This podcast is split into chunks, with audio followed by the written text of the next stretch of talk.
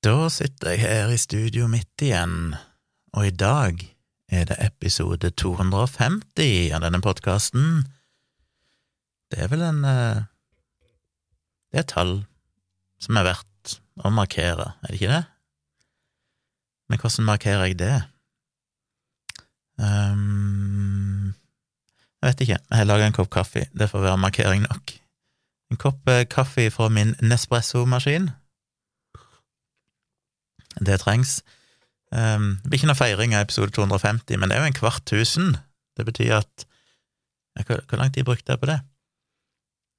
Når var det jeg begynte med podkasten min? Det er ikke uh, halvannet år siden, eller noe sånt. Første halve året omtrent, nei, ikke om så lenge, første måneden iallfall, så spilte jeg jo inn daglig, og så uh, reduserte jeg litt. Jeg tror jeg var på rundt episode 150, ja, ved nyttår, da jeg valgte å gjøre podkasten om ifra å være en lukka Patron-podkast til å bli en åpen podkast for alle, og så har jeg jo da spilt inn ca. 100 episoder siden det, og det stemmer jo, for det er jo ca. to episoder i uka, stort sett. Så ja, matematikken holder, holder vann. Men 250, det er jo bra. 100 episoder i året, det betyr at det er noen år til jeg når 1000, det må jeg jo bare innse. Men eh, om bortimot en eh, ni års tid, så er jeg kanskje kommet der. Nei, ikke ni år, åtte år, sju og et halvt år, et eller annet sånt. Får se om vi fortsetter så lenge. Men episode 250, det får vi jo se på som en liten seier. Jeg eh, har litt jeg skal snakke om i dag. Um, jeg var i Oslo en tur. Reiste inn på onsdag formiddag med bussen. Jeg har jo satt pris på å ta buss istedenfor tog, for det på toget så er det veldig sjelden noe internett som er brukelig. Jeg vet ikke, jeg synes det er mer klaustrofobisk på tog, for da ender du nesten uunngåelig opp med å bli sittende på sida av noen andre, hvis det er noenlunde mye mennesker i toget. Og det syns jeg er slitsomt, for jeg hater å sitte med datamaskin eller til og med mobilen og gjøre noen ting som helst, så jeg føler bare de som sitter på sida av meg, kan se hva jeg gjør, og det blir jeg stressa av. I gamle dager, i den tida jeg drev og pendla fram og tilbake mellom Oslo og Jyland stasjon, som er en sek... Nei, som er en eh, Hvor lang tid tar det? Ja, rett over seks timer, seks timer, kvarter eller noe sånt togtur som jeg gjorde annenhver helg fram og tilbake de første tre årene etter jeg flytta til Oslo, fordi jeg eh, måtte ha min datter. Jeg måtte, høres ut som jeg ikke vil det, jeg vil jo det. Jeg ønsker å ha min datter så mye som mulig, så da pendla jeg til Jyland og bodde på Tonstad med mine foreldre mens jeg hadde dattera mi, som da bodde i Kristiansand. Så når jeg passerte Kristiansand, så tok jeg med meg henne og reiste en time videre fra Kristiansand til Jyland, var hos mine foreldre, ifra torsdag til søndag, reiste tilbake igjen, kasta dattera mi av i fart uh, i Kristiansand. Nei da, toget snur i Kristiansand, så der blir det stående i et kvarters, uh, 20 minutters tid, så der har du god tid til å utveksle barn. Driver med, med child trading, uh, så mora kom og henta og så reiste jeg videre til Oslo. Så den turen tok jeg jo mye. Men det fine da, holdt jeg på å si, var at NSB, som det het i den tida, de støtta ikke muligheten for litt sånn avanserte billettkombinasjoner, så når jeg bestilte billett på nettet, så måtte jeg bestille to billetter fra Oslo til Jyland. Jeg kunne ikke velge én billett fra Oslo til Kristiansand, og så kommer det på noen i Kristiansand, liksom. Skulle jeg gjøre det, så måtte jeg bestille fire billetter, først én for meg sjøl fra Oslo til Kristiansand, og så måtte jeg ha en helt ny billett for to personer fra Kristiansand til Jyland, og det samme tilbake igjen, og så én billett igjen fra Kristiansand til Oslo. Det var veldig mye styr. Pluss at eh, Hvordan var det det kosta meg vel heller ikke noe ekstra, for hun var så liten at hun reiste gratis, tror jeg. Så derfor hadde jeg jo absolutt ingenting å tape på å bare bestille fra Oslo. Det betyr bare at jeg okkuperte et CD ekstra fra Oslo til Kristiansand som ingen brukte. Eh, men det koster meg ingenting, så det er jo fristende selvfølgelig å alltid bestille det, og bare si jeg har et barn med meg, og så er du ikke det. Men det er jo litt sleipt. Men eh, heller enn å bestille fire separate billetter, som ville ha endt opp med å koste meg mer, så valgte jeg jo den billigste metoden, som var å bestille fra Oslo til Jylland som én billett, men da for to personer. Og det var deilig, for da fikk jeg jo et CD på sida av meg hele veien, som passa meg helt perfekt. Og så kom hun på, da, i, i Kristiansand. Eneste gangene det var slitsomt, det var jo de gangene, og det var jo ikke så reint sjeldent, at NSB kødda det til, Sånn at de, når vi skulle på toget, så fikk vi beskjed om at ah, det var feil med ei eller annen vogn eller togsett, så de måtte bytte togsett. Og dermed så stemte ikke CD-numrene lenger, så alle måtte bare finne seg en plass. Og da er det sånn, jeg, jeg skal egentlig ha et ledig CD på sida av meg, men eh, da, for ofte da var det kanskje noen få CD-er færre i den vogna, sånn at noen måtte bare sette seg der de kunne. Og når noen da kom og spurte sånn, nei, kan jeg sitte på sida av deg, så er det jo, så var det sånn innvendig, så var det sånn mm, egentlig så har jeg reservert dette setet. på den annen side så vet jeg jo at ikke denne personen kommer på før Kristiansand, så det er kanskje litt uh, kukete å, å nekte en person å sette seg der. Så jeg sa jo alltid sånn, ja, ja, bare sett deg, men jeg, had, jeg ble jo så irritert inni meg, sånn, fuck NSB, nå har jeg reservert dette setet på sida av meg, og så klarer dere å kuke til hele togsettene, sånn at jeg nå ender opp med å måtte ha en person på sida av meg likevel. Og det er jo mer stress for meg enn det kanskje Jeg vet ikke om mange av lytterne av denne podkasten sikkert kan eh, identifisere seg med hvor mye stress det faktisk er å ha noen på sida av seg, hvis en er, er, er av samme personlighetstype som meg. Så det irriterte meg. Men, eh, men, ja, på bussen så kan jeg bestille et eget CD som har ekstra god beinplass og alt mulig sånn, og det er helt perfekt. Og så er det god internett hele veien, enten at jeg kan bruke wifi igjen på toget, eller jeg kan bare sitte på 4G, for det og da kan jeg sitte og dille med ting hele veien, og da går turen så mye fortere. Så jeg må si jeg har, likt å ta de bussturen. Så det har vært lite folk på bussen, de har vært nesten tomme. Så det har jo vært perfekt. Mye ledige seter overalt. Så jeg reiste nå inn eh, til Oslo, men jeg var jo veldig usikker, fordi kvelden før, tirsdag kveld klokka sju, så ble det jo annonsert nye smitteverntiltak her i landet, nasjonale tiltak. Og det gjorde jo da at eh, begge de, den ene restauranten hadde allerede kansellert grunn at smitten begynte å øke og alt dette her, og de fikk mye avbestillinger. Men da kansellerte jo den andre restauranten, jeg skulle jo inn og ta bilder på to restauranter, som er en del av det jeg gjør. Så plutselig hadde jeg jo ingen inntektsgivende oppdrag i Oslo. Da var det kun én ting som sto igjen, det var at jeg skulle være med i en podkast der inne. Og den ble jo, ble jo booka til tilbake i august, eller noe sånt, og hadde egentlig gleda meg til den. Det er podkasten til Human-Etisk Forbund som heter Opplysningsvesenet som jeg syns er veldig bra. Jeg har hørt alle episodene av. Mange spennende gjester. Jeg tror neste gjest skal være Harald Eia. og så tror jeg min episode kommer etter det. Så det er bra gjester, interessante tema, bra podkast. Jeg hadde lyst til å være med i den. Så da var jeg veldig usikker på tirsdag kveld, for jeg hadde jo allerede bestilt buss. Jeg hadde bestilt overnatting på et, det billigste hotellet jeg fant i Oslo, som er sånn helautomatisert uh, City Box, heter det, som òg var helt uh, fantastisk, jeg skal komme tilbake til, men, men jeg var veldig usikker. Skal jeg virkelig reise inn, bare for å delta i den podkasten?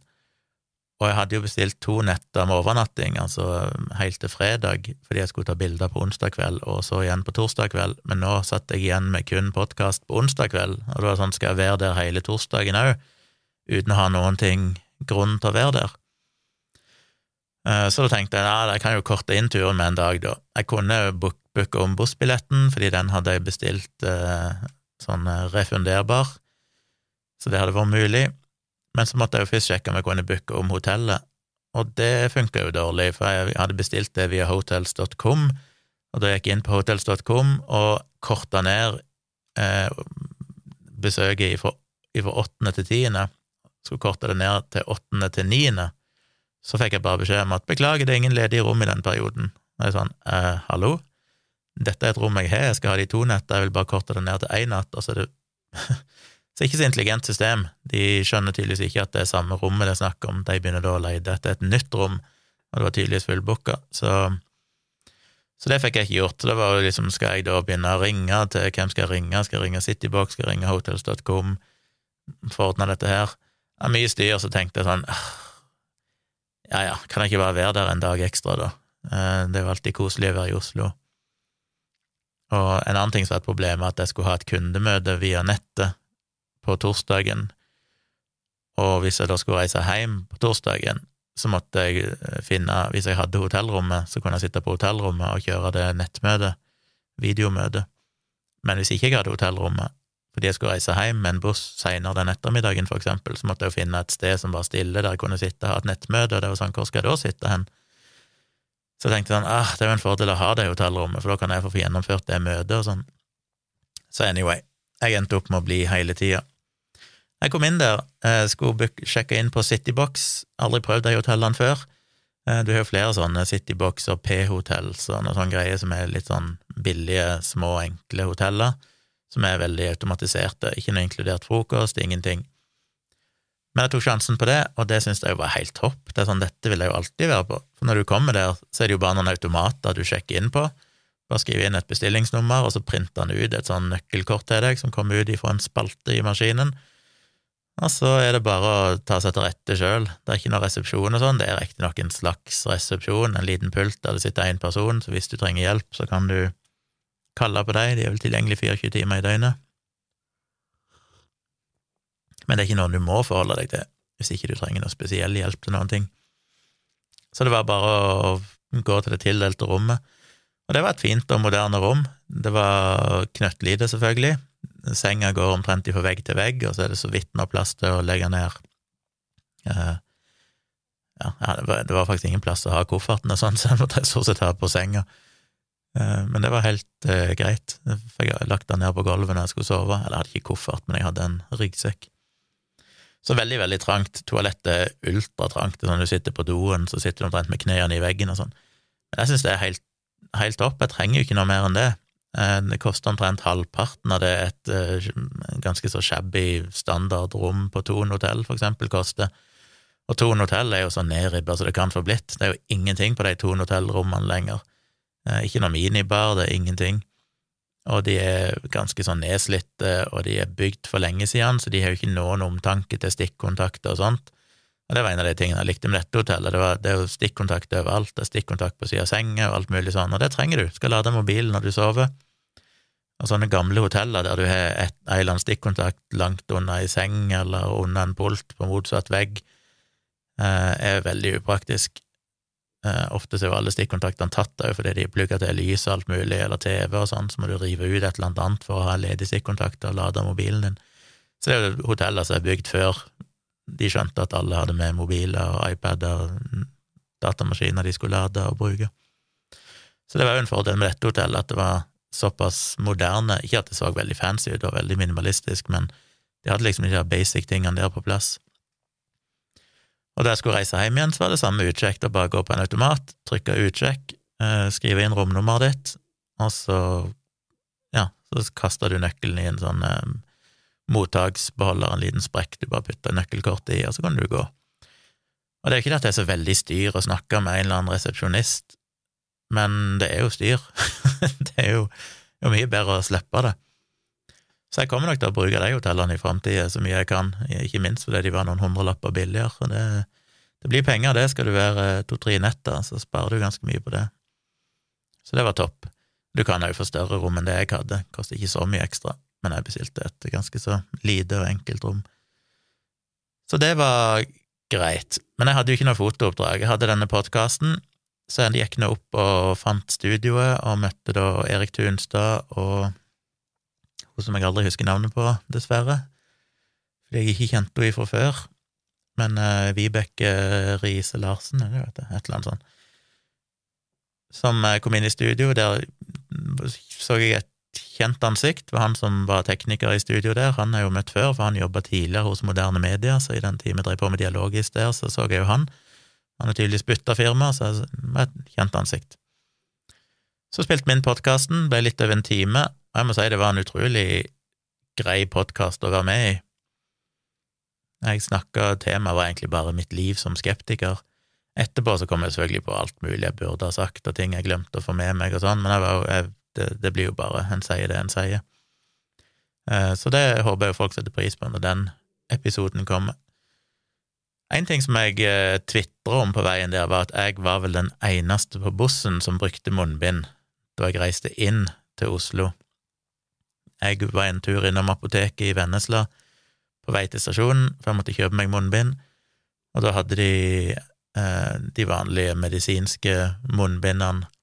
Eh, de hadde ikke det sånne her eh, FFP2-munnbindene, Så det var litt kjipt, men jeg tenkte ja, ja, jeg får ta det, og så får jeg kjøpe sånn FFP2-munnbind i Oslo, for de skal jo være ekstremt mye bedre med tanke på å filtrere dritt. Men jeg var den eneste, tror jeg, iallfall som jeg så på bussen, som hadde munnbind. Nå tredde jo ikke disse tiltakene, disse nye retningslinjene, trådte jo ikke i kraft før midnatt til torsdag, altså natt til torsdag, og dette var jo da onsdag formiddag, så teknisk sett så var ikke anbefalingen om munnbind trådt i kraft, men men Jesus, det er ikke akkurat som at viruset venter en dag. Eh, så jeg brukte nå det. Og bak meg satt der ei, eh, en ung kvinne og snufsa og hosta og hadde ikke munnbind på seg, og da tenkte jeg sånn, ok, hvis du skal sitte sånn hele turen på over fire timer, så kunne du iallfall hatt på deg munnbind, men det hadde hun ikke. Men jeg hadde iallfall på meg munnbind, og det er jo helt greit. Jeg reiste inn der, kom inn til Oslo, og der ble jeg jo overraska over at så godt som alle hadde munnbind mer enn det jeg så eh, i forrige runde med munnbind, altså i fjor vår, vinter og vår, da jeg bodde i Oslo. Da var det jo mye mindre munnbindbruk. Mange som brukte munnbind etter hvert på eh, offentlig transport, selv om jeg syns det var for få der òg. Mens nå gikk jo jeg tror ni av ti, eller iallfall åtte av ti personer jeg så på gata, gikk med munnbind. Og det minner meg jo på at jeg så en eh, Facebook-post av en Facebook-venn av meg som er lege, som har vært ganske kritisk til smitteverntiltakene og alt dette her eh, under pandemien. Hun skrev en syrlig post om eh, hvor idiotisk det var at hun så alle disse folkene, hun bor i Stavanger. Eh, alle disse folkene som gikk med munnbind ute, det hadde jo absolutt ingenting for seg. Og da måtte jeg jo kommentere at eh, men gate er per definisjon noe som tar deg ifra ett sted innendørs til et annet sted innendørs. Sannsynligvis har de brukt munnbindene innendørs og da er det to gode grunner til å ikke ta av seg munnbindet. Det ene er jo at det faktisk er mer effektivt, altså hvis du tar det av og på, så, så risikerer du å få kontaminasjon på innsida av munnbind og alt dette her. Eh, og så er det bare praktisk, at du, det er stress å drive og ta av og på munnbindet, for da må du oppbevare det et eller annet sted og alt mulig sånn. Og det merker jeg òg når jeg var i Oslo. Jeg tok på meg munnbind når jeg skulle ut av hotellet, for der gikk egentlig alle med munnbind, og du ender opp med å stå i en heis sammen med andre folk og sånn, greit å ha på seg munnbind. Og så skal jeg et eller annet sted som tar meg 5-10-15 minutter å gå, og da er det sånn, jeg gidder ikke ta med munnbindet. Pluss at når det er kaldt, så er det jo faktisk ekstra behagelig å ha på seg munnbind. Det bidrar jo til at du fryser mindre i ansiktet. Ulempen for meg som er briller, er jo at det har en tendens til å dogge, og det sliter jeg jo med. Men jeg fant etter hvert en måte jeg kunne dra munnbindet høyt opp over nesa og senke brillene litt, sånn at de lå litt lenger ut for ansiktet mitt enn de normalt gjør, og da klarte jeg å unngå dogg. Men jeg blir så overraska over at liksom to, snart to år ute i pandemien, så er det fortsatt folk som ikke skjønner hvorfor folk går med munnbind ute. Jeg var vel òg en av de tidlige i pandemien som harselerte litt med at jeg så folk satt i bil med munnbind og tenkte sånn Jesus, hvorfor Hva tror de? Tror de at, de blir, tror de at det bare er virus i luft overalt der ute?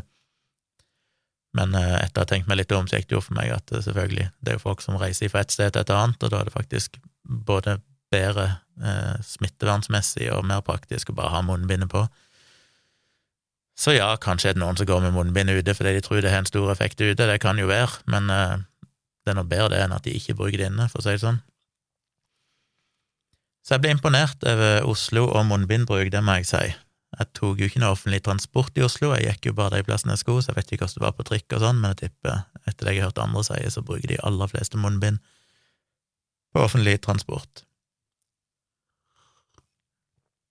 Og hun eh, legen på Facebook, hun, hun, er vel generelt sett motstander av munnbind, eller mener at det har lite for seg eh, når folk flest bruker det, fordi at folk bruker det feil, og derfor er det bare en falsk trygghet. Og det er det jo selvfølgelig mye sant i. Effekten av munnbind er nok ikke veldig stor, og det er jo ingen som har sagt at munnbind alene vil eh, redde noen ifra å bli smitta. Poenget med munnbind er jo at det er ett tiltak blant mange, så det å både eh, holde avstand og bruke munnbind og tenke på håndhygiene, eh, selv om det heller ikke har veldig mye å si akkurat med, med smitten av koronaviruset, selv om det er mer effektivt med tanke på norovirus og eh, influensavirus, så er det uansett en ekstra effekt der. Og alle de tiltakene, i tillegg til vaksinering, vil jo i sum gjør deg mer trygg. Så den ideen om at fordi et munnbind ikke er liksom 90% effektivt mot smitte, eller noe sånt, så er det ikke noe vits i, det blir jo det samme som folk som sier at eh, fordi vaksinen, influensavaksinen for eksempel, bare er i snitt 60% effektiv, så kan du like godt la være. Det er sånn, eh, du reduserer risikoen med omtrent to tredjedeler for å få influensa hvis du vaksinerer deg. Ja, det er ikke 100% effektivt, men det er noe vesentlig bedre enn 0 beskyttelse. Og da hørte jeg jo på denne podkasten som eh, jeg har anbefalt tidligere, som jeg vel ble anbefalt av Erik Arnesen, en BBC-podkast som heter More or Less Behind the Statistics, som kom ja, iallfall en gang i uka, hvis ikke det er to, med nye episoder eh, som ofte er korte, de varer åtte til ti minutter, og de tar bare for seg som regel et eller annet tall, en eller annen statistikk som har vært i media i det siste, som de diskuterer og forklarer på en veldig enkel og folkelig måte. Og der snakket de jo om eh, en ny studie som hadde gått eh, sine runder nylig, eh, som jeg ikke fikk med meg sjøl, men der de hevda at det å bruke munnbind halverte risikoen din for å få covid-19, og det mente de hørtes vel positivt ut. Og når de da granska tallene der litt nærmere, så fant de at det neppe stemmer, mye svakheter med den studien og sånn, men det de finner da i de beste metaanalysene og sånn, så ser den ut til å være en sånn 10–20 reduksjon det er noen studier som er kontrollerte, sånn at de rett og slett har, har, fått noen til å gå med munnbind og andre til å gå uten munnbind i en sånn kontrollert studie, og sett da at det har kanskje en sånn 10, maks 20% beskyttende effekt. Så effekten er ikke enorm, for all del, men sjøl en 10 reduksjon er jo en reduksjon, som de påpeker der òg. Hvis du har 100 000 smittetilfeller, og du kan unngå 10 000 av de, så er det klart at det er verdifullt. Så for, for enkeltindividet så er det ikke all verden som sier det er sånn ja, 10% mer beskyttelse, men med en gang du skalerer det opp på befolkningsnivå, så begynner du å se at ok, det blir noen tusen mindre smittetilfeller. I Norge har vi jo tross alt uh, over 5000 bekrefta smittetilfeller per dag. I tillegg til dem er det vel mye mørketall. Uh, men sjøl der, da, hvis du kan redusere det med 500 hver eneste dag, fordi folk bruker munnbind, eller kanskje 1000 hvis effekten er 20% så er jo det definitivt en ganske betydelig effekt. Så jeg blir litt irritert når det er en lege som er ute på Facebook og liksom skal harselere med dette, for det er sånn, nei, ja, jeg skjønner at effekten ikke er maksimal, og folk bruker ikke munnbind riktig eh, alltid. Eh, det, blir noe helt annet når folk flest bruker munnbind sammenlignet med helsepersonell, som er mye strengere på måten de bruker det på men hvis effekten kan være 10% så er det fortsatt 10 effekt, og det kan da regnes om til ganske mange tusen færre smittetilfeller hvert eneste år. Eh, så det er, definitivt verdifullt sånn sett. Og i kombinasjon med hvis for eksempel det håndhygiene har noen prosenteffekt, og vaksinen har jo ja, gudene vet hva den har mot omikron-varianten, ikke veldig mye, men selv mot delta så har den nok iallfall 60-70% effekt, eh, iallfall over 50 Så summen av alle disse tingene, og i tillegg da holde avstand, som nok er ganske stor effekt, så begynner det å bli en, en stor samla effekt. Så det er jo definitivt anbefalt. Skulle jo ønske jeg fant sånne FFP2-masker, som er de her litt sånne utstikkende, litt mer sånn dystopiske maskene for de beskytter mye bedre. Problemet med munnbind er jo at lufta gjerne går ut rundt kanten når du puster ut og til dels inn, mens disse FFP, FFP2-maskene skal jo da filtrere 95% vel, og i mindre grad da slippe ut luft på siden og sånne ting. Pluss at de ofte kan være litt bedre å gå med, for de, de buler jo ut, så du har mer sånn hulrom foran munnen og nesa, og kanskje ikke føles så eh, påtrengende å ha på seg, selv om de ser teitere ut, syns jeg. Men det vil jeg gjerne ha. Så jeg gikk innom noen apoteker i Oslo, men det var jo ingen som hadde de inne. Da fikk jeg vel tips helt på tampen før jeg skulle reise hjem, at du kunne kjøpe de på Claes Olsson og noe sånn greier, det rakk jeg aldri å sjekke. Men jeg må få kjøpt meg noen sånne, enten se om de har de i en butikk her, eller jeg egentlig kunne bare bestilt på nett, fått de i posten, en bunke med de. Så det var litt om uh, munnbindbruk. I den episoden av More or Less uh, Behind the Statistics så snakker de jo òg om Simpsons Paradox. Nå skal jeg ta lenker til akkurat den episoden i shownotes, men uh, ellers så vil jeg bare anbefale at dere går inn i podkastappen og, og abonnerer på den podkasten, hvis dere syns det høres interessant ut, for med dere alle episodene. Men akkurat denne episoden snakker de om Simpsons Paradox, som de har vært innom tidligere, Og det er jo en sånn ting jeg syns alltid er gøy. Jeg har jo referert til denne podkasten tidligere, og sånne statistiske fenomener. Men Simpsons Paradox er, så vidt jeg skjønte det, når jeg ikke googla det, men ut ifra det jeg forsto eh, De kom vel ikke med en spesifikk definisjon akkurat der, men de brukte vel et eksempel, og det er en studie som eh, hadde òg gått sine runder og blitt hylla selvfølgelig av vaksinemotstandere, som tyder på at vaksinerte i England faktisk i større grad døde enn uvaksinerte av covid-19. Og det høres jo veldig rart ut, for vi vet jo at vaksinene beskytter veldig bra mot alvorlig sykdom og død. Til og med mot delta-varianten så er jo effekten der over 90 Selv om han beskytter i mindre grad mot smitte, så beskytter han fortsatt veldig godt mot alvorlig sykdom og død. Død. Så det, det skurrer jo litt. Hvordan kan det ha seg at en studie viser at det er flere som dør når de er vaksinert, fullvaksinert, enn hvis du er uvaksinert? Og da kommer dette Simpsons paradox inn. Og det er jo sånne ting som er så irriterende når jeg sitter og diskuterer ting i bloggen og sånn, for det at når du ser folk på disse her eh, vaksineskeptikerne på Twitter og Facebook og sånn, de er jo De har jo ikke satt seg inn i måten du skal forstå statistikken på, så de misforstår jo hele tida, inklusiv i den uh, siste bloggposten jeg skrev om, om uh, dette tilsvaret til han Pål Henrik Hagen, der han òg selvfølgelig viser til, mener å vise til studier som viser at vaksin, det er flere vaksinerte som blir smitta enn uvaksinerte. Så det er sånn, ja, dette er jo forklart nå i et års tid. Um, så lenge det, de fleste i befolkningen faktisk er vaksinert, så vil det på et tidspunkt til slutt være flere vaksinerte som blir smitta enn uvaksinerte, selv om risikoen for å bli smitta som vaksinert er mye, mye mindre. Og det er ikke så lett for alle å forstå. Det krever at du har en liten forståelse for matematikk og statistikk før du klarer å visualisere det for deg. Og samme her med Simpsons Paradox, som i praksis betyr at det de hadde gjort i den studien, var at de hadde sett på fire aldersgrupper. De hadde ifra 0 til 59, eller var de fra 18 til 59, eller et eller annet sånt, 15 til 59, et eller annet, de som er vaksinert opp til 59 år. Og så hadde de fra 60 til 70, tror jeg, og fra 70 til 80, og så hadde de 80 pluss, og et eller annet sånn. Eh, så de hadde, de som var over 60 år, hadde de da gruppert i sånn tiårs alderssegmenter, men de som var under 60, hadde de bare lempa sammen i én stor gruppe, for der at der er risikoen generelt sett så liten at de hadde bare sett på dem som én eh, gruppe, da. Og da endte det opp med at i de gruppene over 60 så var det mye mindre sjanse for å dø av covid-19 hvis du var fullvaksinert, men i de som var under 60, så så det ut til at risikoen var større hvis du var fullvaksinert.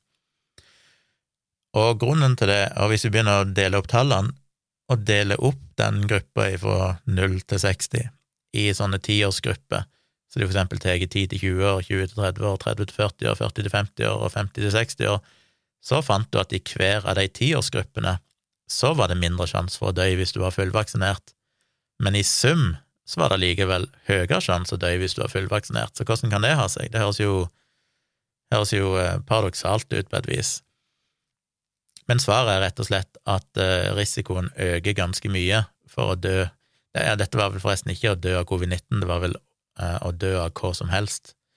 Og risikoen for å dø av hva som helst øker jo ganske betydelig med alder. Det er mye større sjanse for å dø av hva som helst når du er for eksempel over 50 år, enn når du er 15 eller 25. Så det betydde, men, Og samtidig så er da òg eh, de høyere aldersgrupper i større grad vaksinert enn de som er yngre.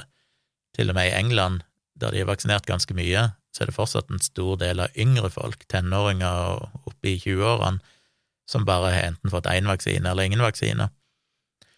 Så det betyr at du sitter igjen med at de som er uvaksinert, er òg de yngste, som i veldig liten grad dør av noen ting som helst, bortsett fra ulykke og en sjelden gang en eller annen sykdom, mens de som er 40-50 år, de er stort sett vaksinert, men har jo òg mye større sjanse for å dø av alt mulig rart av sykdommer. Og når du da bare grupperer alle de sammen, så vil jo da denne høyere dødsrisikoen hos de eldre eh, påvirke risikoen til de som er yngre, fordi de blir lempa sammen i samme statistikk, samtidig som det er de eldste som er i størst grad fullvaksinert, og dermed får du en sånn falsk eh, korrelasjon eh, som er veldig forvirrende. Og dette har jeg jo vært innom sjøl i et par bloggposter, òg igjen da basert på tall fra England, da de mente at det var en bloggpost jeg skrev i, i vår en gang, som òg pekte på det samme, at hvis du så på tallene, så var det flere fullvaksinerte som eh, ble havna på sykehus enn uvaksinerte, og da påpekte jeg jo det samme. Ikke helt samme fenomen, men litt av det samme, da, at selvfølgelig de som er fullvaksinert, er jo i stor grad på det tidspunktet, for det var jo ganske tidlig i vaksineringa, var jo stort sett bare folk i risikogrupper og folk som er veldig gamle, mens de som er uvaksinerte, er stort sett friske, unge mennesker. Og da er det ikke så rart at uh, når vaksinen ikke er 100% effektiv, så er det ikke så rart at de som er fullvaksinert, òg oftere de savner på sykehus, for det er jo i utgangspunktet de som er gamle og i risikogrupper, som kanskje har tusen ganger større risiko for å bli syke hvis de blir smitta, mens de som er unge, i liten grad blir veldig syke, og de er som regel da uvaksinerte, eller var iallfall det på det tidspunktet. Så det er jo veldig fort gjort å bli forvirra av sånn statistikk hvis ikke en skjønner hva som ligger bak tallene. Men det er en av grunnene til at jeg liker den podkasten, for den forklarer disse fenomenene veldig enkelt og forståelig. Desto mer frustrerende å forklare det til andre. Nå er det jo en dude på Twitter som har begynt å engasjere meg plutselig, og vil stille meg til veggs med om jeg snart uh, Hvorfor jeg ikke har noe svar på dette med at PCR-testene blir kjørt på 45 sykluser. Som jeg igjen bare får lyst til å banke hodet i veggen til jeg silblør. For det er sånn hvordan kan du to, to år ut i pandemien ennå ikke ha skjønt konseptet med PCR-testing og dette med antall sykluser? Og jeg har jo besvart dette spørsmålet gjentatte ganger i flere bloggposter. Jeg har forklart at du kjører gjerne 40-45 sykluser uansett, men så leser du av resultatet etterpå på en kurve der du ser når er signalet, når krysser det en eller annen terskel som tyder på at du faktisk har nok eh, sars-cov-2-virus i kroppen, eller at det blir identifisert, at du kan regne som å være smitta. Det er ikke sånn at du stopper eh, antall Du stopper ikke testen når han passerer det signalet, du kjører alltid 45 sykluser, men så leser du av etterpå hvor faktisk eh, På hvilken syklus eh, du faktisk fikk et sterkt nok signal til å regne deg som positiv i en sånn test. De tror fortsatt at hvis du kjører disse, når de sier at vi kjører 45 sykluser, så betyr det at de leser av resultatet på den 45. syklus. De skjønner ikke at dette her genererer en kurve, og så analyserer du denne kurven etterpå, og så ser du på hvilken syklus er du faktisk. Og da kan du sette et cutoff point som sier at hvis du får det positive signalet etter den 35. syklusen, for eksempel, så regner vi svaret som ganske usikkert og anbefaler en ny test, som er ofte det de gjør pluss at de òg sammenligner det med kliniske symptomer og risiko for å være smitta. Så hvis du har en positiv test på etter 36 sykluser, og du har ingen symptomer, og du har ikke vært i nærkontakt med noen du vet er smitta, så regner de sjelden denne testen som positiv. Da vil de iallfall anbefale en ny test. Hvis du derimot eh, får et positivt signal på 25 sykluser, da er signalet såpass sterkt at de antar det som positivt, men de har likevel kjørt 45 sykluser totalt, det betyr bare ikke at de leser av på den 45. syklusen. Og dette klarer de ikke å forstå. De bare leser, de finner en eller annen tekst inne på en eller annen nettside hos eh, Helsedepartementet, altså ved FHI et eller annet sted, der det står at uh, standardprosedyre er å kjøre 45 sykluser. Og så klarer de ikke å forstå at ja, men det betyr ikke at du leser av resultatet på den 45. syklusen, det er bare det at du kjører maskinen så mange runder uansett, og så etterpå vurderer du ved hvilken syklus du faktisk fikk et positivt signal, og så ser du i tillegg det i, i sammenheng da med kliniske symptomer og utsatthet for, for smitte og alt dette her.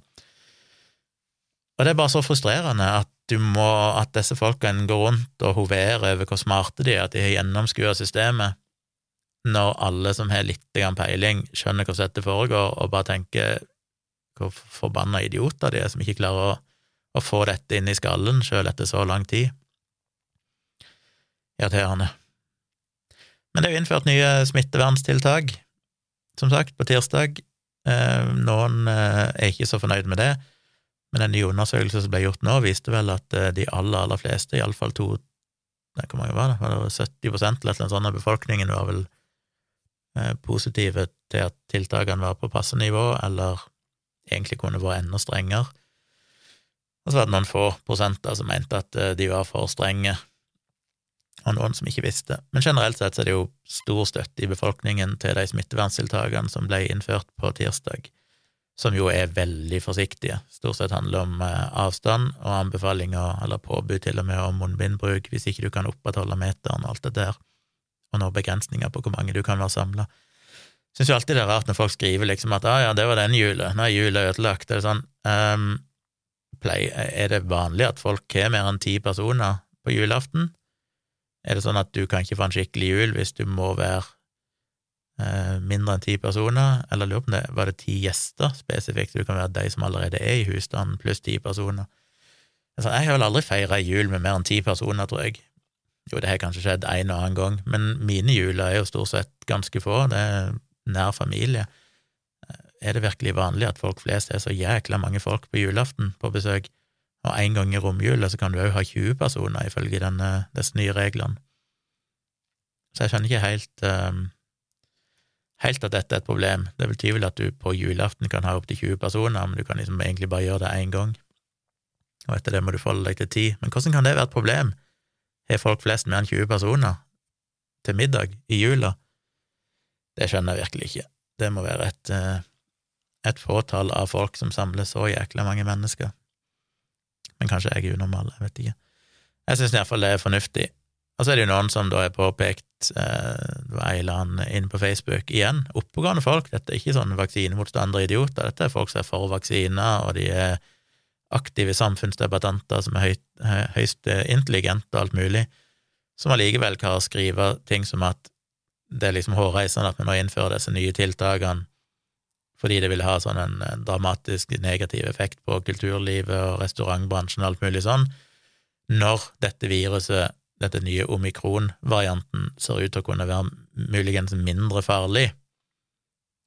Men det, da er det sånn, hvis ikke du igjen har skjønt statistikken i dette etter to år, så bør du rett og slett ikke uttale deg i det offentlige, fordi disse folkene glemmer at et mer smittsomt virus, og vi vet ganske sikkert at omikron er ganske mange ganger mer smittsomt, alltid fra tre til seks ganger, med et R-tall på 3, jeg husker ikke hva det var, 3,7 eller et eller annet sånt, altså det er ganske dramatisk.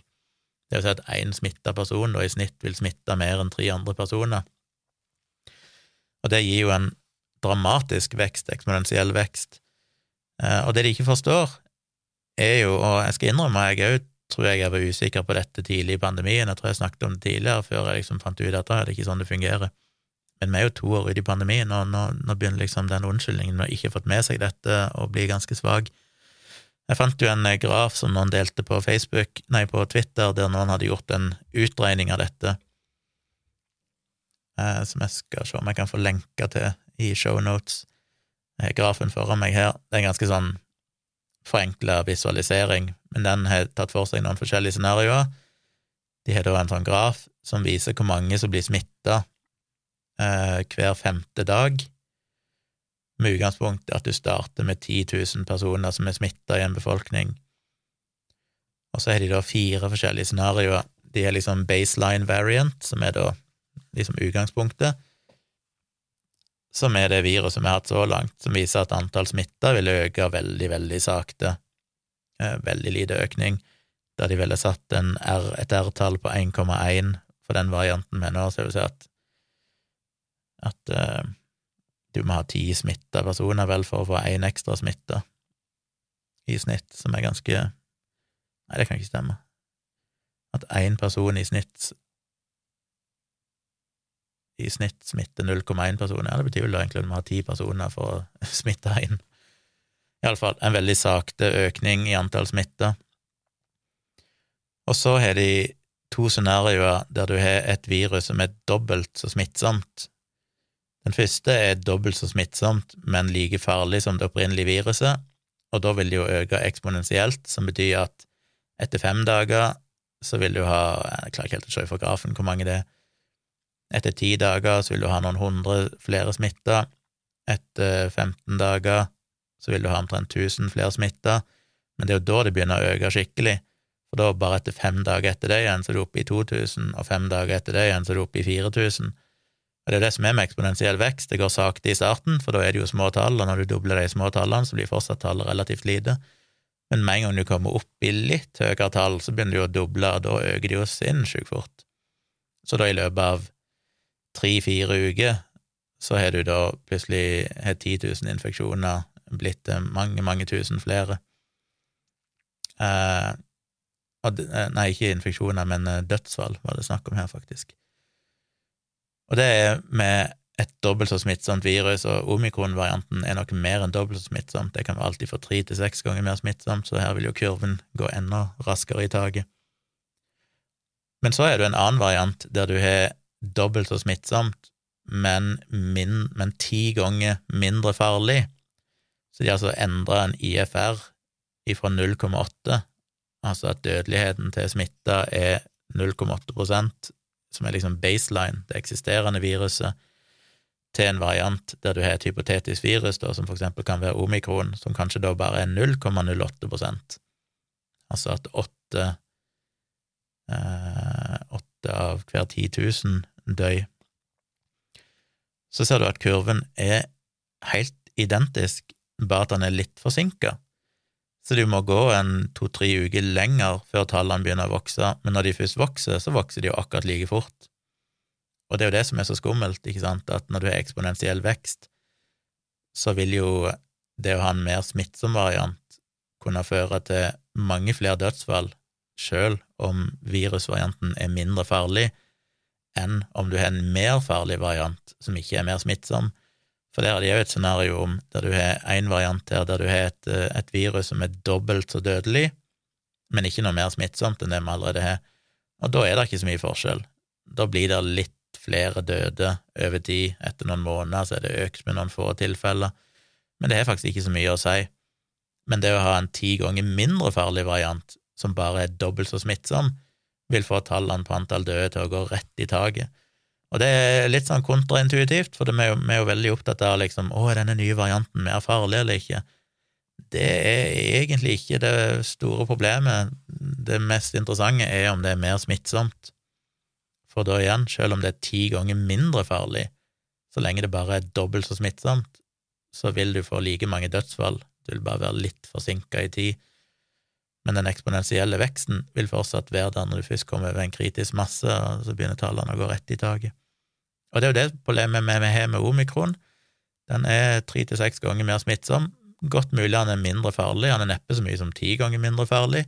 Ikke at vi vet det sikkert, men det ville overraske meg. Eh, men enten like farlig eller kanskje mindre farlig. Men det er helt irrelevant. Problemet er at han er mye mer smittsom, og det vil føre til enorme tall på innleggelser og dødsfall over tid hvis ikke vi klarer å bremse det. Og igjen, dette med eksponentiell vekst, akkurat det samme som vi hadde tilbake i januar i år, da de stengte ned eh, først Oslo og store deler av landet, eh, og fordi delta-varianten var kommet, alt dette her. Eller husker jeg feil, var ikke det delta-varianten?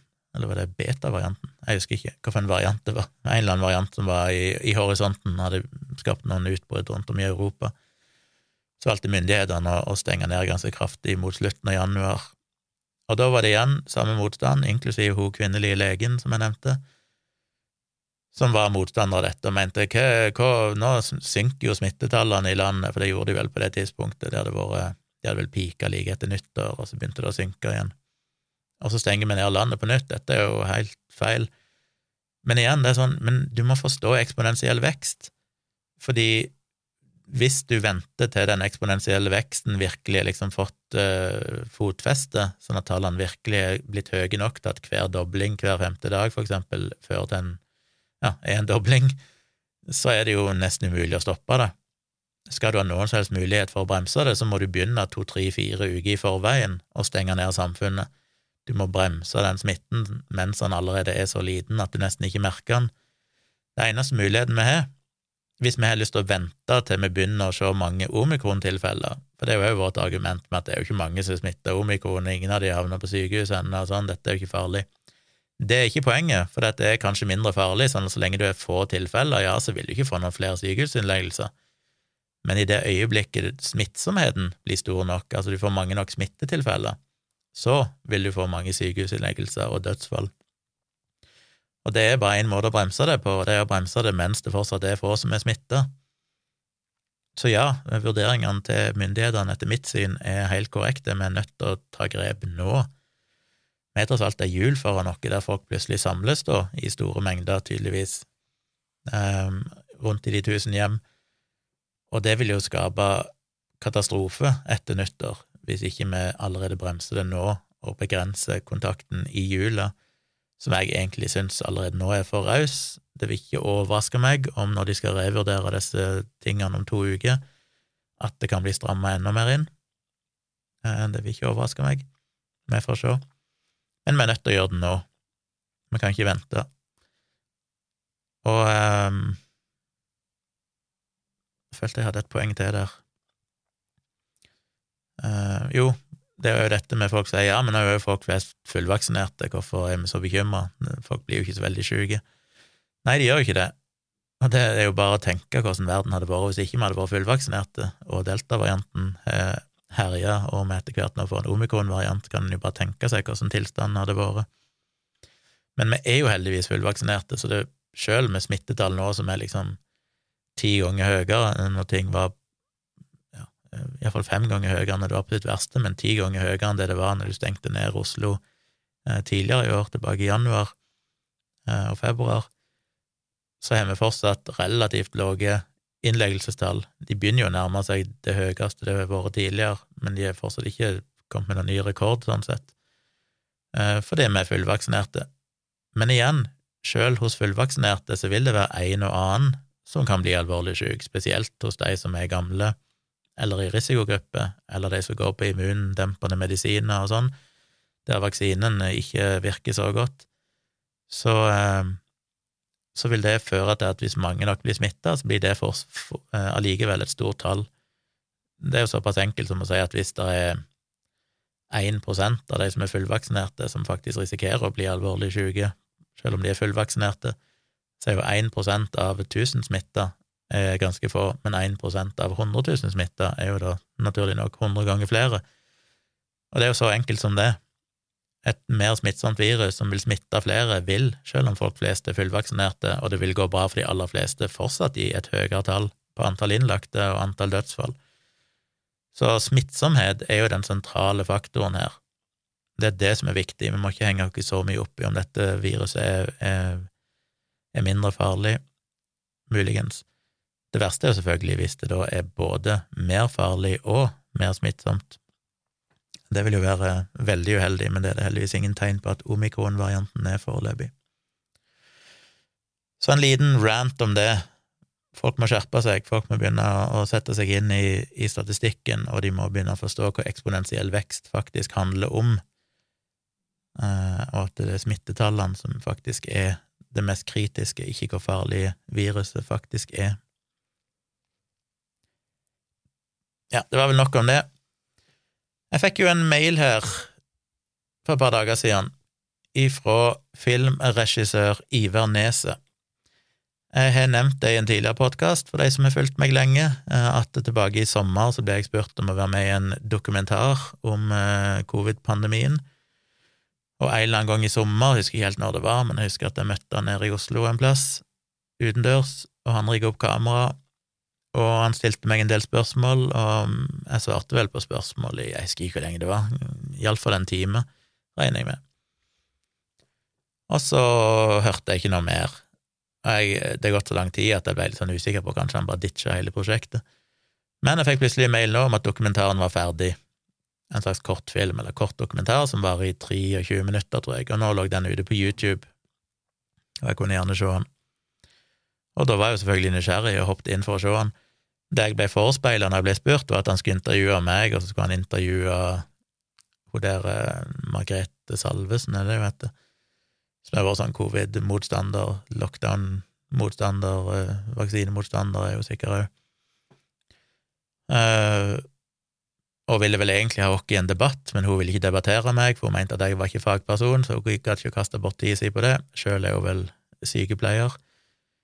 Um, ut ifra det hun sier, så er det vel lite som tyder på at hun er spesielt oppegående eller kompetent. Men ja, det var nå greit nok, hun ville ikke debattere meg, så da ble det separate intervjuer. I den endelige dokumentaren som kom nå, så er jo ikke hun med, annet at du ser henne i bakgrunnen et eller annet sted, eller du ser henne, men hun snakker aldri. Men det er veldig mange andre. Og jeg må jo si jeg ble veldig skuffa. Eh, jeg trodde jo det skulle være en dokumentar som var vitenskapsbasert, fornuftig, det var jo sånn jeg ble forespeila det, for han, han, liksom sa at han syntes jeg var en av de mest interessante stemmene i pandemien, og bla, bla, bla, så jeg tenkte han ah, ok, så han er, han er liksom oppegående og skjønner greia. Så ender det opp med å egentlig bare være en totalt uh, ja, en sånn veldig kritisk dokumentar. Han heter Politisk autoimmun, var ikke den heter? Jo, Politisk autoimmun heter dokumentaren og er jo egentlig bare en tirade med folk som kritiserer alle tiltakene som er gjort, og at viruset egentlig ikke er så farlig, og egentlig så er det ikke så mange som er smitta, og bla, bla, bla. Veldig, veldig skuffende. Jeg føler meg jo egentlig litt lurt. Litt som jeg føler meg litt med i gjengen til mange andre opp gjennom årene, fra Richard Dawkins til Steven Novella til andre, som er blitt lurt inn i sånne dokumentarer der de tror det skal handle om én ting, og så viser seg å handle om noe helt annet, og at det de sier, blir fremstilt som at de støtter noe de på ingen slags måte støtter. Jeg, i løpet av den eh, Nå vet jeg selvfølgelig at blir du intervjuet i en time, så er det selvfølgelig ikke mye som kommer med i, en, i et ferdig klipp, men jeg må jo si jeg ble skuffa over det som ble med, fordi han har jo ikke akkurat prøvd å fremstille meg i et positivt lys. Han har jo først ett segment der jeg, eh, der jeg vel fikk et spørsmål om om disse lockdown og alt dette kunne ha negative effekter for folk, og da sier jeg jo at jo, for folk som er som sliter psykisk og alt mulig sånn, så er det klart at det, det, det, det neppe, de gjør neppe tilstanden bedre for de å måtte isolere seg og være alene i månedsvis. Og det er jo selvfølgelig sant, jeg tror definitivt at det er en belastning på folk. Ja, det vet jeg jo, jeg har jo folk i min egen omgangskrets, alt fra mine samboere til eh, Ingeborg Senneset og andre som har snakka om det, at det har vært vanskelig med pandemien, hvis du sliter med forskjellige ting i utgangspunktet. Alle rutinene dine blir ødelagt, og du blir isolert, og, og sånn. Så det, det, er jo helt fair, det sa jeg, og det er med i dokumentaren, og det er helt greit. Og så er jeg vel med to ganger til, tror jeg, i noen korte klipp. Den ene der jeg prøvde å forklare denne her eh, selvmotsigelsen som vaksinemotstandere har, der de både hevder at eh, det er bare falske positive, så egentlig er det ikke så mange som er smitta, og samtidig mener de at det er veldig få som dør. Og det, betyr, det er jo en selvmotsigelse, fordi hvis det faktisk er veldig få som er smitta, og du har et visst antall dødsfall, så må jo det bety at viruset er mye farligere, da, for da er det jo mange flere som dør per antall som er smitta. Eh, så de, det blir jo egentlig å si mot seg sjøl når de argumenterer for både at, eh, at det er mange færre som er smitta enn det det ser ut til, og at viruset ikke er så farlig, fordi jeg mener at dødstall kan du egentlig ikke bortforklare. De dødstallene vi har i Norge, er vanskelig å bortforklare, selv om noen av de vil jo gjøre det òg, selvfølgelig, og si at det er falske data og alt mulig sånn. Men legger det jo til grunn at det sjelden er særlig mørketall og sånn, eller overrapportering av døde, og du da reduserer antall smitta til kanskje bare 10 hvis de mener at det er 90% falske positive, så betyr jo det at viruset automatisk blir ti ganger mer dødelig i statistikken. Så jeg sier vel et eller annet om det, men det resonnementet har han ikke med, han er liksom bare med et, par setninger som får det til å høres ut som at jeg ikke helt uh, Ja, eh, det høres bare ut som et veldig merkelig argument, på en måte, sånn som han fremstiller det. Og så er det vel én ting til han klipper meg inn der jeg sier et eller annet som jeg ikke sjøl, når jeg så det, skjønner hva er for noe. Jeg sa, Hva i verden var det jeg svarte på der? Det er jo ingen kontekst, det er jo tatt helt ut av kontekst, det er ikke noe spørsmål som innleder, alt det andre jeg sier rundt, det er jo tatt vekk.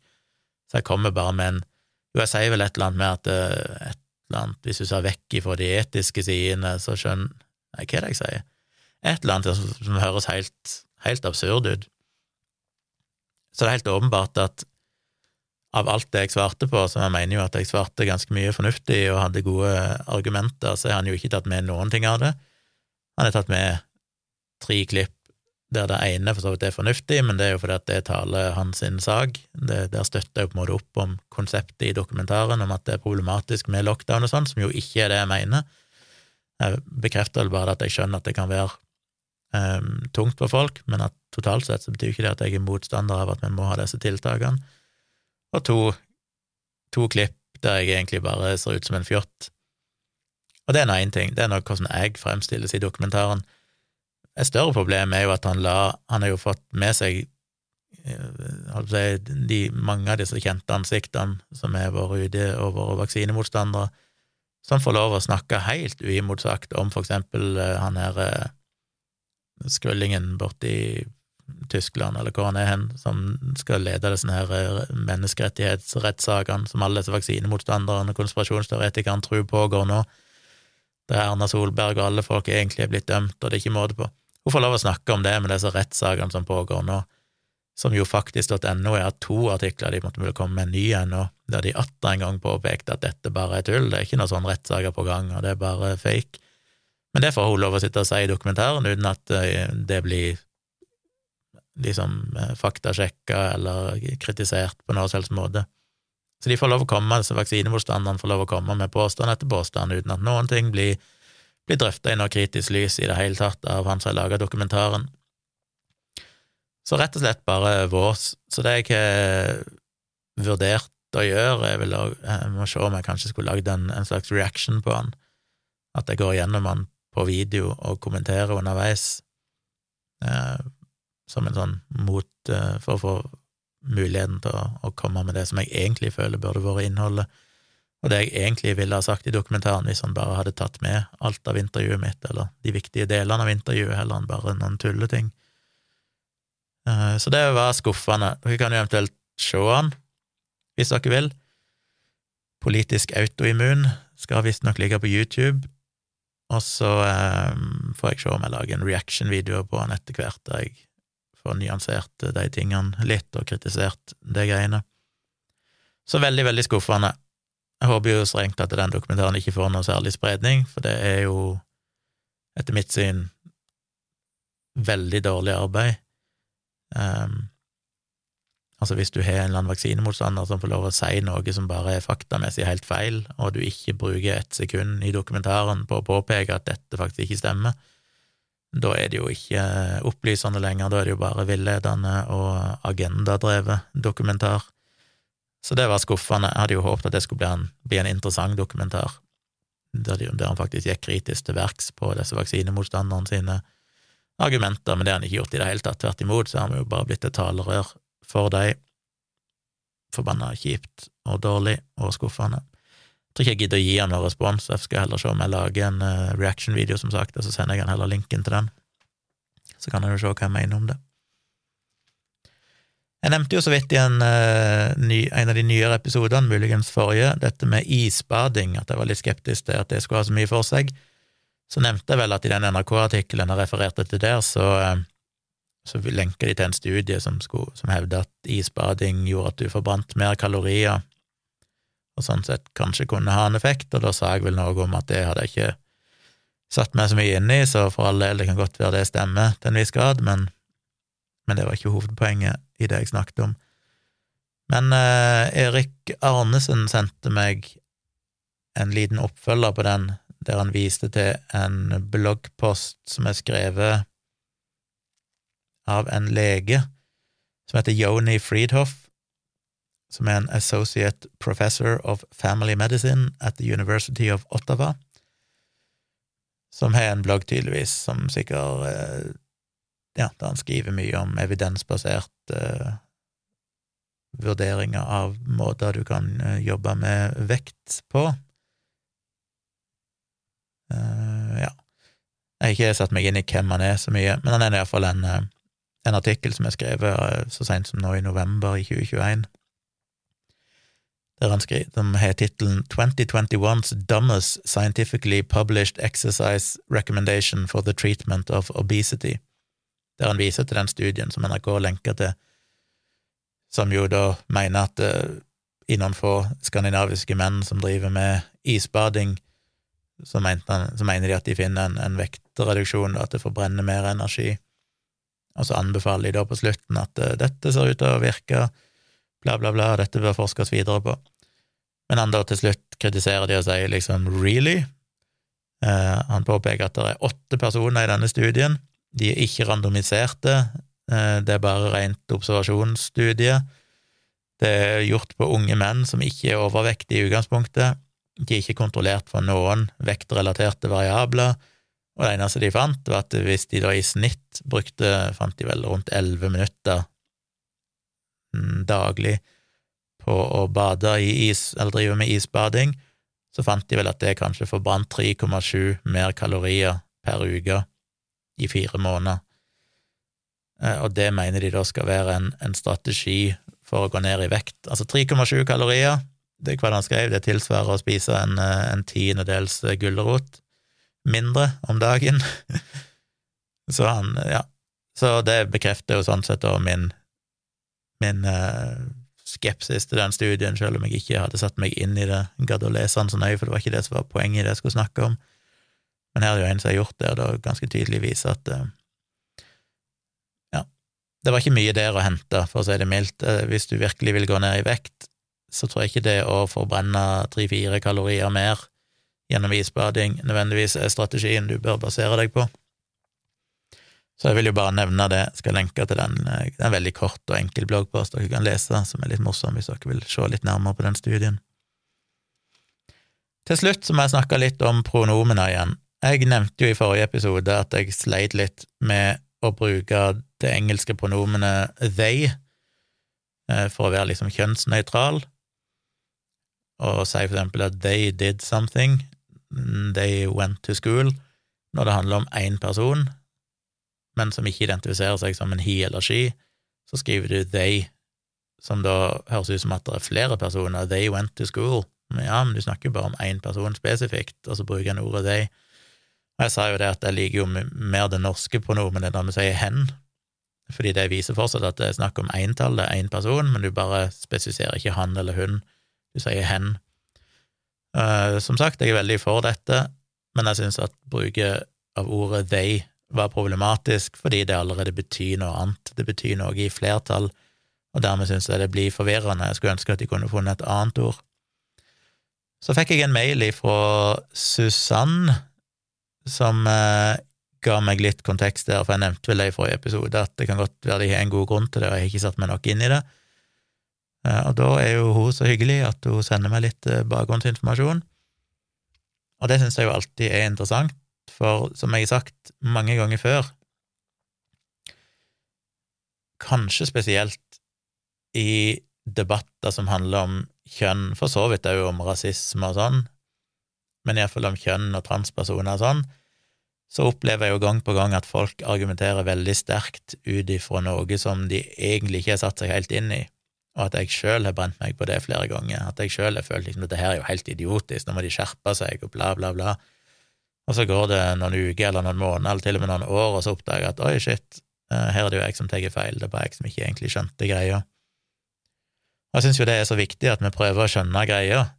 Et godt eksempel, eh, før jeg går inn på dette med disse pronomenene, er jo begrepet cis, å være cis-mann eller cis-kvinne som jeg òg tidligere tenkte åh, det er så pretensiøst å skrive at du er cis-mann eller cis-kvinne, hvorfor i all verden skal en bruke cis, det blir bare sånn en markør for å vise at du er woke, liksom.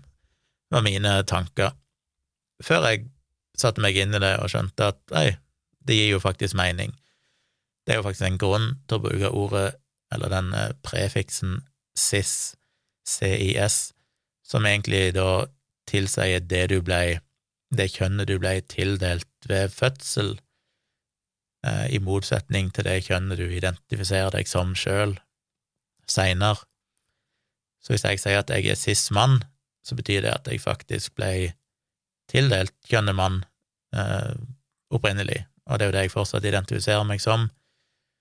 Hvis du bare hadde sagt at du var mann, så vet vi ikke i dag om du er en transmann, eller om du Ja, så det, det, jo, det å si cis er, er, nyttig, og hvorfor er det nyttig? Eh, og det var det som egentlig ga meg en aha-opplevelse, var det med at ordet heterofil var jo heller ikke et begrep som var relevant før du begynte å snakke om homofile. Fordi det å si at noen er homofile, det sier jo noe om de at de da foretrekker sitt eget kjønn, eh, romantisk og seksuelt. Men før du snakket om homofile, så var det ikke noe vits i å snakke om heterofile, for det var bare sånn, ja, men folk eh, Det er liksom I naturen så blir du interessert i det motsatte kjønn, det er sånn det fungerer. Men så begynte vi jo å normalisere og akseptere og legitimere dette med at ja, men det er jo ikke sånn for alle. En viss prosentandel som faktisk eh, tiltrekker seg sitt eget kjønn, og de kalles da homofile. Og da trengte du plutselig å definere de som ikke var homofile, og det ble da heterofile. Og så har en jo fått varianter, det er jo da med bifile og alt dette her. Men det jo det greia med cis er jo at cis var ikke nødvendig å bruke før, i den tida en mann var en mann. Det var ikke noe spørsmål om hvis du var en mann, så, så var du en mann, liksom. Det var, det var ikke noen variasjoner der, men i det øyeblikket du plutselig kan ha en transmann, så trenger du òg å definere motsetningen, som da er cis-mann.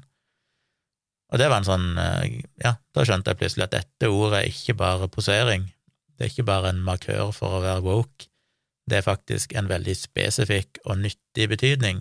Det er en motsetning til trans, er cis, akkurat som motsetningen til homo er hetero. Så det var bare sånn ett eksempel på at kunnskapsløshet gjorde at jeg følte at de som brukte ordet cis, var noen jævla potensiøse idioter, og så var det jo egentlig jeg som var idioten, for det var bare jeg som ikke hadde satt meg inn i det og skjønte hvorfor de brukte det. Og litt det samme blir det jo her da med they, åpenbart, at uh, jeg ser jo det når jeg leser om det, at uh, det gir jo faktisk mening, og det morsomme da i denne de to artiklene hun sendte meg, er jo at vi faktisk bruker de uten at vi vet det. Skal vi se noen gode eksempler. Hun skrev vel uh, Hun hadde vel et eksempel i mailen her der hun sier at for eksempel setningen 'Someone left their jacket at the bar'. Der bruker de ordet 'there' selv om det er snakk om én person. Det er snakk om at noen, en eller annen mann eller kvinne um, Du sier ikke 'someone left her jacket at the bar', fordi det kan jo være en mann. Og hvis du sier 'someone left his jacket at the bar', så vil du si at det er en mann, men det vet du ikke, og da blir det 'someone left their jacket at the bar'. Selv om det bare er én person, så bruker du ordet 'there', altså en variant av 'they', for å indikere at du er usikker på kjønnet. Så det gjør vi jo allerede. Så det å bruke ordet they om en person når du ikke vet kjønnet, eller, ikke, eller kjønnet Ikke bare om du ikke vet kjønnet, men der er jo kanskje personen da ikke identifiserer som han eller hun, gir jo faktisk sånn sett mening. En annen ting er jo at dette historisk sett har vært veldig utbredt, at eh, som alltid med språk, så er jo språk i utvikling, og alle som motsetter seg endringer i språk, er jo stort sett vil alltid tape. Og jeg har aldri tenkt på det før, at òg ordet you er jo eh, et ord som både kan være flertall og eintall på engelsk. You are all idiots. Altså det kan være flertall, eller you are an idiot. Det er entall. Men you er jo akkurat det samme ordet. Det kan fungere både i flertall og entall. Og det er noe som er kommet til å si nyere tid, det vil si det har eksistert noen hundre år, men det har vært en overgang, for tidligere så brukte de ord som thou og thee og thy Eh, som dere sikkert kjenner igjen fra sånne gamle tekster, Shakespeare og sånn. Og det å bruke ordet you til å representere entall, når det egentlig opprinnelig bare var et flertallsord, you, snakker du om flere personer, you all, jarl, mens eh, det å bruke you som et entallsord var faktisk noe som kom gradvis i utviklingen av språket. Og det har vi jo bare vent dere til. Nå er det på en måte, det er ikke rart lenger, nå skjønner vi når you refererer til entall, og når det refererer til flertall, det er liksom bare intuitivt. Og det vil nok skje med ordet they òg over tid, at det blir normalisert. Uh, var det flere eksempler eller noe mer nyttig? Jeg vet ikke om jeg skal si så mye mer om det, annet at jeg skal lenke til de to artiklene som hun sendte meg, som jeg syns dere skal ta og lese hvis dere syns dette er interessant, eller dere ikke helt skjønner greia så kan dere òg kanskje bli mer eh, opplyst.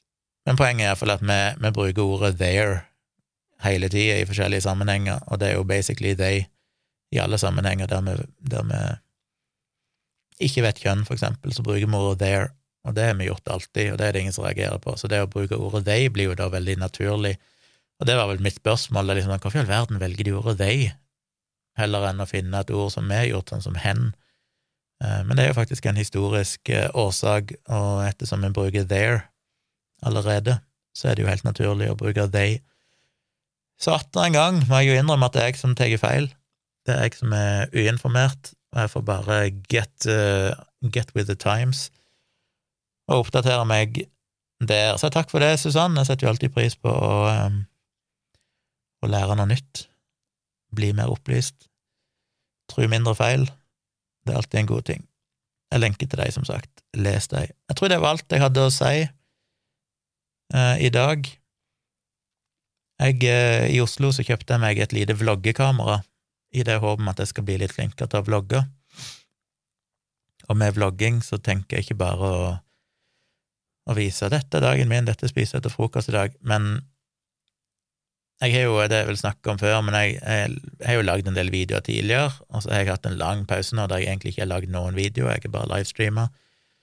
Men felles for videoene mine er jo at jeg egentlig alltid har bare sittet foran kamera og prata, og det er greit nok, det funker jo det òg, men jeg har ofte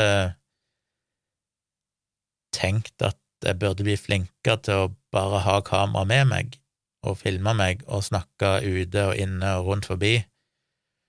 Um, og problemet er at de videoene jeg har lagd så langt, de krever jo litt arbeid, fordi jeg må ha et skikkelig kamera på stativ, jeg må ha riktig objektiv, jeg må ha lyssettinger, alt må være på plass, må, så alt er liksom avansert, avansert mikrofonutstyr, avansert kamerautstyr, lyssetting, og det gjør jo at ting aldri kan bli spontant, det må liksom planlegges mye nøyere. Og det er jo definitivt sin verdi, det òg. Det er jo mye videoer som er sånn, og bør være sånn. Men jeg har nok savna Det har nok vært en terskel mot å lage innhold. Jeg må liksom senke litt standarden for hva jeg ønsker å gjøre, så det jeg kjøpt meg et eh, billigere lite kamera med et lite håndholdt eh, håndtak, holdt jeg på å si, og en mygg som jeg kan ha på meg, der alt er mye mer automatisert. Det er bare sånn kompaktkamera, alt å si, som kan filme video. Og det håper jeg jo at jeg skal klare å bruke litt mer til å filme meg rundt forbi og snakke om ting når jeg kommer på ting jeg ønsker å snakke om, og jeg kan da i ny og ne klippe det sammen til en video. Jeg har jo så lyst til å få til det, jeg bare sliter med selvtilliten og føler liksom at ja, men det jeg gjør, er jo ikke interessant. Jeg har jo ikke noen ting å si. Og samtidig vet jeg jo når jeg spiller inn podkast sånn som nå, så er det jo hver gang så tenker jeg jeg har jo ingenting å si, og så ender det opp med en, en god time, halvannen time med prat. Så jeg har jo noe å si, åpenbart. Eh, jeg må ofte bare begynne å si det, og så kommer det av seg sjøl. Og så må jeg òg minne meg sjøl på at når jeg ser videoene til andre folk som jeg følger på YouTube, en person som Matti Hapoya, som er en sånn eh, finsk eh, fotograf, videograf, som bor i Canada, som jobber nær venn med Peter McKinnon og sånn, for de som kjenner han, som er jo en fotograf-videoskaper, som er veldig populær, en av de største sånn youtuberne. Han òg lager sjelden videoer. Peter McKinnon er litt mer, og han og mange andre er litt mer at de sitter foran kamera og gjør et eller annet review av et kamera, eller snakker om et tema, eller et eller annet sånt. Eh, Matti Apoya er mye mer at han bare har med seg kamera og filmer og gjør alt mulig rart, og så snakker han om ting.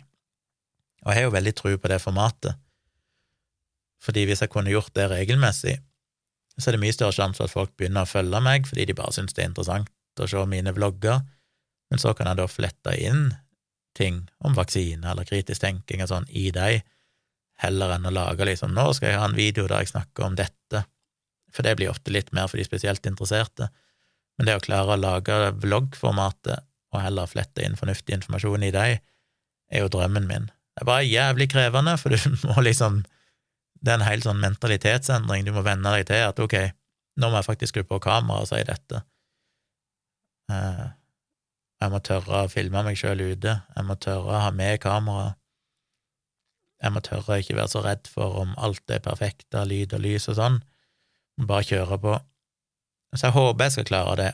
Håper virkelig, virkelig det, for jeg har jo en drøm om at det kan funke hvis jeg hadde klart å lagt ut én video i uka. Og det er jo det som er med YouTube, at du må legge ut regelmessig. Ellers blir du nedprioritert av algoritmene. Eh, da er det bedre å legge ut noe crap en gang i uka, holdt jeg på å si, enn å ikke legge ut noen ting. Og det er jo det, da, som er viktig. Eh, min samboer Tone Sabo hun har jo vært veldig flink i det siste. Hun bestemte seg her for noen dager siden at hun skulle prøve å lage en vlogg om dagen litt for å få sine creative juices flowing. Og det er jo noe med det, det gjelder jo i alle kreative yrker. Folk har en idé om at du må ha inspirasjonen, og jeg kan ikke gjøre noe for jeg har ikke inspirasjon. Det er jo ikke sånn det fungerer. Det er ikke én person som noensinne har lykkes innenfor et eller annet kreativt, som har gjort det fordi de stolte på inspirasjonen sin. De som lykkes, er de som jobber hardt med det, uavhengig av, uavhengig av inspirasjon, så sier de at eh, denne uka må jeg lage en video, jeg må bare få det gjort, kjør på. Det er jo det som er det viktige, det er hardt arbeid. Enten du skriver, hvis du, hvis du skal skrive en roman og bare skrive når du har inspirasjon, så får du aldri skrevet en roman. De som skriver en roman, er de som setter seg ned og produserer x antall sider hver dag, uansett hvor crap det er, så kan de heller slette det seinere. Men du må bare skrive, du må bare våge å skrive, uansett om det er pinefullt å gjøre det. Og det er jo det jeg må, må bestemme meg for. Jeg må egentlig bestemme meg for, ok, hver fredag, hver mandag, whatever, en eller annen dag, så skal jeg ha ut en ny video, og dermed må jeg filme i løpet av uka nok materiale til at jeg kan legge ut denne videoen. Uh, ja, det er det jeg må klare. Det er vanskelig. Det er mange personlige sperrer som må krysses med tanke på selvtillit og det å tørre å gjøre det, og det å tørre å gi slipp på at ikke alt skal være liksom perfekt kvalitet og alt mulig sånn. Det at jeg hater å se meg sjøl på video, men jeg har veldig tro på det formatet. Det å legge ut jevnlig, det gjør jo at forhåpentligvis flere vil følge meg i hverdagen, og da kanskje jeg bli litt opplyst om ting som jeg syns er viktig å snakke om. Litt sånn som Matti Apoya har gjort at han ofte lager video om alt mulig rart i livet sitt og familien sin og sånn, men så har han et segment der han gjerne snakker om, om det han egentlig vil, vil snakke om, som da sjelden er særlig dyptpløyende, det er stort sett om kamerautstyr og sånn, eventuelt noe filosofi rundt det med å, å lage YouTube-videoer, sitte her og hikke nå mens jeg snakker. Det er ikke så gunstig. Men det er målet mitt.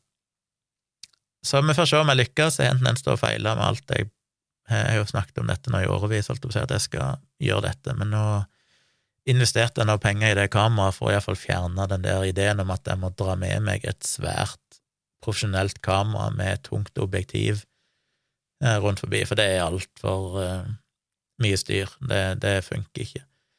Så det er kanskje i framtida, hvis jeg virkelig får rutine på dette, så kan jeg gjøre det. Da får du enda litt bedre bildekvalitet og alt mulig sånn, men stort sett bryr ikke folk seg. Tone filmer jo i stor grad på mobilen sin. Funker jo veldig bra. Eh, hun kunne fått litt bedre bilder sånn hvis hun hadde brukt et skikkelig kamera, men til syvende og sist så er kvaliteten 10% og innholdet 90% så Tone, Det glemte jeg kanskje å si, men Tone har gjort det, ja. Så sjekk ut uh, hennes YouTube-kanal som heter Tone Sabro, hvis ikke dere har gjort det. Hun har lagt ut fire-fem et eller annet vlogger nå daglig um, om hvordan hun har følt det. Hun kalte kalt dem for shitty vlogmas fordi hun ikke har hatt det så bra i jula. Så det er kanskje ikke de mest oppløftende videoene å se, men uh, mange som setter pris på dem, så ta gjerne og kikk på det. Så får dere sett litt av livet vårt her òg, huset og hunden og, det hun driver med så skal jeg prøve å være like flink som hun og gjøre det samme. Det var jo det Wasim lykkes med da Wasim Sahid Jeg starta jo med video før Wasim, han kom vel et par måneder etter meg og fant ut at han skulle begynne med det, og så gjorde jo han det som jeg ikke gjorde. Jeg var mer sånn nå skal jeg sette meg ned og lage en serie om eh, Snåsamannen, og alt skal være lyd og lys skal være på plass, og bla, bla, bla. Han hoppet heller i det og sa jeg skal gi deg en video om dagen de første 30 dagene, og det gjorde han. Og jeg syns jo på de første videoene hans så syns jeg kvaliteten var ganske crap. Men igjen, det er jo ikke det viktige. Det viktige er at du legger ut videoer, du får abonnenter. Um, algoritmene til YouTube liker deg fordi at du legger ut hyppig og får respons på det du gjør, og så er jo han gradvis blitt bedre og bedre, og nå er han jo dritbra kvalitet både på lyd og bilde, ser jo så proft ut, skikkelig, skikkelig bra. Og så han gjorde jo det rette, det er jo det du må gjøre. Jeg gjorde jo det som var feil, jeg skulle ha det perfekt fra starten av, og jeg endte opp med at jeg fikk for mange sperrer til at jeg klarte å lage videoen i det hele tatt. Så jeg skal prøve å snu på det, jeg skal prøve å dra med meg dette kameraet, filme meg sjøl, være flink til å filme ting som jeg tenker at dette er jo helt uinteressant for folk. Men jeg må alltid minne meg sjøl på at det jeg filmer, er jo ikke det dere ser. Det er jo ikke farlig å filme ting, for det er jo bare Det eksisterer jo kun på, på minnebrikka, Lagringskortet. Det er jo først etterpå at jeg velger ut hva dere faktisk skal få lov å se. Og det er mye bedre å filme for mye enn å filme for lite. Bare filme masse greier, så kan du alltid lage en ti minutters video av det. Så det er jo målet mitt. Jeg ser jo så mange folk jeg følger, som bare legger ut sånne videoer som egentlig er helt uinteressante. De sitter jo bare og diller med ting i hverdagen. Men folk liker det. Vi er jo sånne mennesker. Vi er nysgjerrige. Det er en grunn til at reality-programmer er så populære. Vi elsker å se andre sine liv, vi elsker å se hvordan andre folk gjør ting, hvordan de lever, deres styrker og svakheter. Og eh, ja, og det skal jeg prøve på holdt på å si jeg skulle ønske dere kunne gitt meg en boost, men det hjelper egentlig ikke så mye med heiarop og sånn. Skulle hatt noen til å sparke meg i røde. Så eh, beste boosten er kanskje hvis jeg ender opp med å legge ut en sånn video, at dere faktisk eh, ser han. Men da må jeg først gjøre det. Så vi får se. Jeg skal prøve så godt jeg kan å få til et eller annet, og jeg virkelig jeg drømmer om det hver dag, altså klarer jeg liksom aldri å, å få gjort det, så jeg må bare ta meg sammen. Det var i hvert fall dagens podkast. Takk for at du hørte på atter ei gang. Igjen, var dette interessant, så del det med andre. Setter veldig pris på det. Igjen, setter veldig pris på hyggelige ratings og kommentarer inne på podkastappene deres, gjerne på Apple Podkast. Har dere en iPhone, fyr opp podkast-appen der, søk opp Tomprat, og så legg igjen en review, eller iallfall eh, noen stjerner, fordi det har så mye å si for algoritmene til podkastverdenen. Podkasten min blir mer synlig, han dukker opp eh, for flere når de eh, leter etter podkaster, hvis de har litt høye rangeringer og litt mye kommentarer og sånn.